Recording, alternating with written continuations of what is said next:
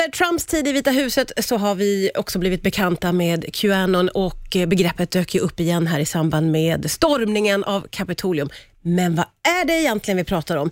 Här nu för att reda ut eh, de här bitvis eh, vansinniga begreppen är USA-kännaren Andreas Utterström. Välkommen tillbaka. Tack för att jag får komma hit och prata om det som nu faktiskt är ett av mina favoritämnen. Jag har ju förstått det så, men för att få med alla på tåget, vad är det vi talar om? Qanon är en konspirationsteori som uppstod på nätet 2017. Och Det gör den så spännande, just att den uppstod och utvecklas på nätet. Och det här, Den är ganska luddig, vilket gör att man kan ladda den med lite vad som helst. Men själva modeskeppet i det här liksom, trädet eh, av olika konspirationsteorier är att det finns, säger man, en hemlig pedofilring i USA, där bland annat Hillary Clinton och Tom Hanks ingår. Och den här pedofilringen eh, eh, styr och ställer på olika sätt och, och det sker saker i hemlighet. Men en person skulle då reda upp allting och det var Donald Trump.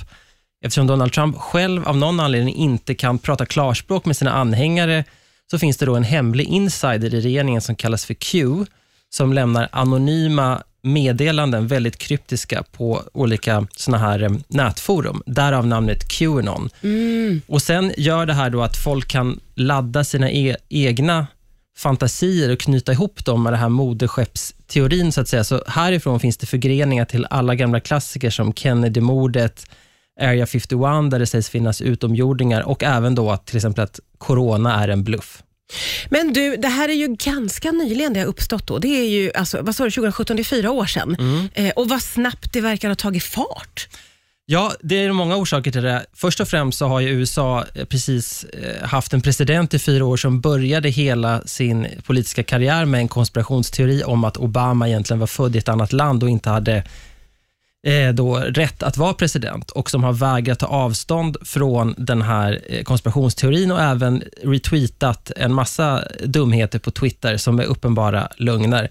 Det är det ena och sen tror jag också att pandemin, när folk har varit hemma för att de har jobbat hemma eller blivit av med jobbet, eh, det har blivit ytterligare en sak som man är irriterad och misstänksam kring och så sitter man och söker på nätet och hittar sina meningsfränder. Och Jag tror att det finns också något kittlande i att vi tillsammans ser någonting som ingen annan ser och lägger pusslet ihop. Ungefär som vissa på Flashback kan göra i Sverige, när de faktiskt mm. kan avslöja och, och reda ut saker eh, tillsammans som gemensamma detektiver. Så den aspekten finns, finns också, tror jag. Det är någonting som kittlar, man gör någonting tillsammans och man ser vid regnbågens slut, så ser man lösningen på allt och ingen annan ser det. Den här Q som du pratade om, vet man vem det skulle vara? Nej, utan det finns många teorier om vem den här hemliga insidern är. Och om du som lyssnar nu är specialintresserad så kan jag rekommendera en reportagepodd som heter Q-clearance, där journalisten eh, Jake, eh, eller Jack Hanrahan försöker gå till botten med det. Och Han lyckas inte riktigt leda det i bevis, men det finns mycket som talar för att den eller de som ligger bakom är sådana som driver och tjänar pengar på de här nätforumen och som vill ha trafik dit så att de kan sälja annonser. Så rent kommersiellt alltså. Mm. Men du, eh, det här handlar ju om konspirationsteorier. Vad skulle du säga är amerikanernas relation till konspirationsteorier? Betydligt mer konspiratoriska än svenska. Det finns undersökningar som visar att 40% tror att 9-11 var ett inside job. Och även eh, 40% lika många som tror att eh, staten undanhåller sanningen om eh, utomjordingar. Men då ska istället då för att tänka som är lätt, att man gör som svenskar, att amerikaner är korkade, för någon slags standardförklaring vi lätt tar till när det är saker vi inte förstår, så måste man tänka på att det här är ett land som till exempel har startat ett krig på falska premisser i USA. Och Har man blivit drabbad av det personligen eller har någon anhörig eller vän som har omkommit där, samtidigt som jättemycket i amerikanska eh, myndigheter och staten fungerar dåligt, Bör man hjälp är det inte säkert att man får det. Det är inte som i Sverige att man kan vabba i Försäkringskassans app. Då är det kanske inte så konstigt att man blir rasande misstänksam och att det för mm. vissa då kan fullständigt spåra ur. Om man börjar söka på YouTube och, och eh, läser på olika forum så kan man ganska snabbt hamna i ett kaninhål och blir man uppslukad där så kan det gå så illa som det har gjort i vissa fall, att man helt enkelt blir så snurrig att man tappar kontakten med sin familj eller i allra värsta fall att man beväpnar sig för att åka ut och ta lagen i egna händer. Mm. Eller är med och stormar Kapitolium, för det var en del av dem som gjorde det för några veckor sedan, som hade Qanon-symboler på sig. Mm. Och Hur har Donald Trump ställt sig till Qanon? Han har vägrat ta avstånd från det. Eh, jag tror inte att han för ett ögonblick tror på de här idéerna. Däremot är han en slug marknadsförare, en slug säljare. Och Här fanns det marknadsandelar att ta. Att ta. De här personerna, vissa av dem eh, röstade på honom.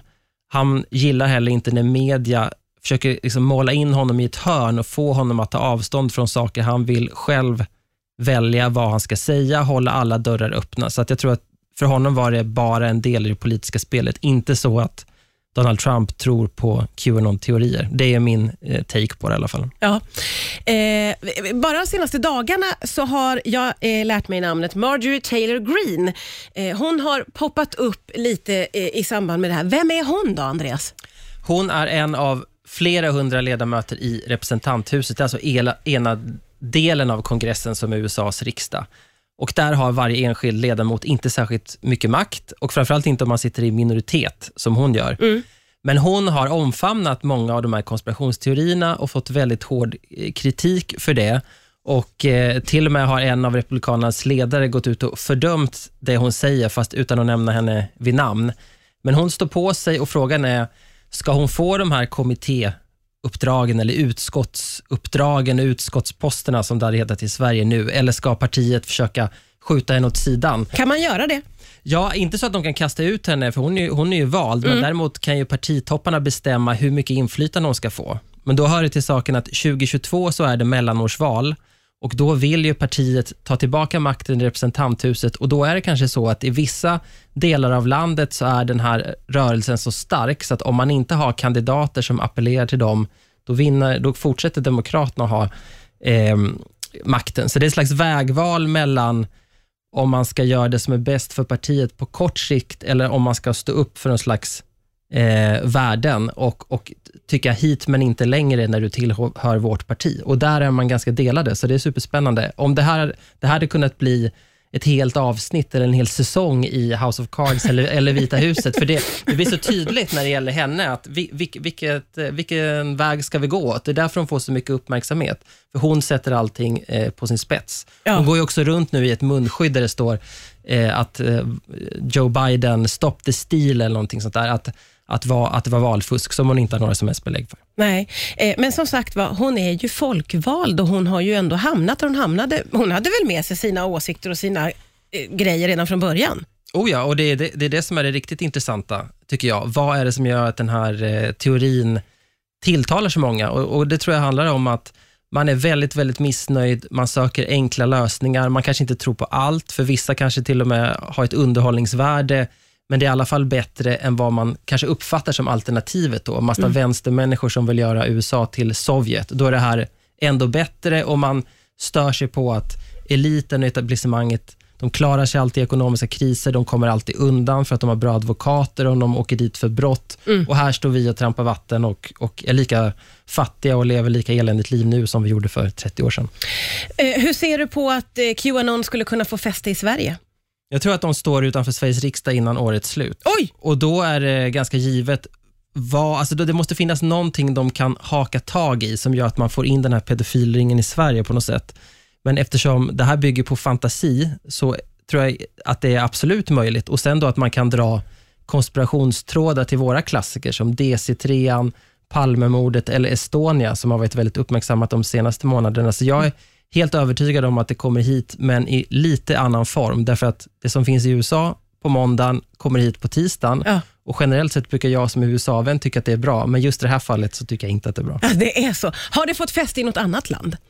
Måste ja, jag bara fråga. Jo, men det, man kan se spår av det i, i, olika länder och det hänger ihop med hela den här liksom populistvågen och sådär. Eh, men inte i den omfattningen som det har i, i USA. Men jag är ganska säker på att det kommer och det farliga är ju att det kräver ju bara en eller några stycken som, som blir hjärntvättade av det här och sen beväpnar sig och, och gör farliga saker för att det ska kunna till, ställa till eh, väldiga problem. Det är inte så att vi kommer få Qanon-partiet i Sveriges riksdag, men de kan ställa till väldigt mycket bekymmer i alla fall.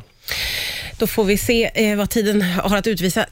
Alltid lika spännande när du kommer hit. Tusen tack, Andreas Utterström.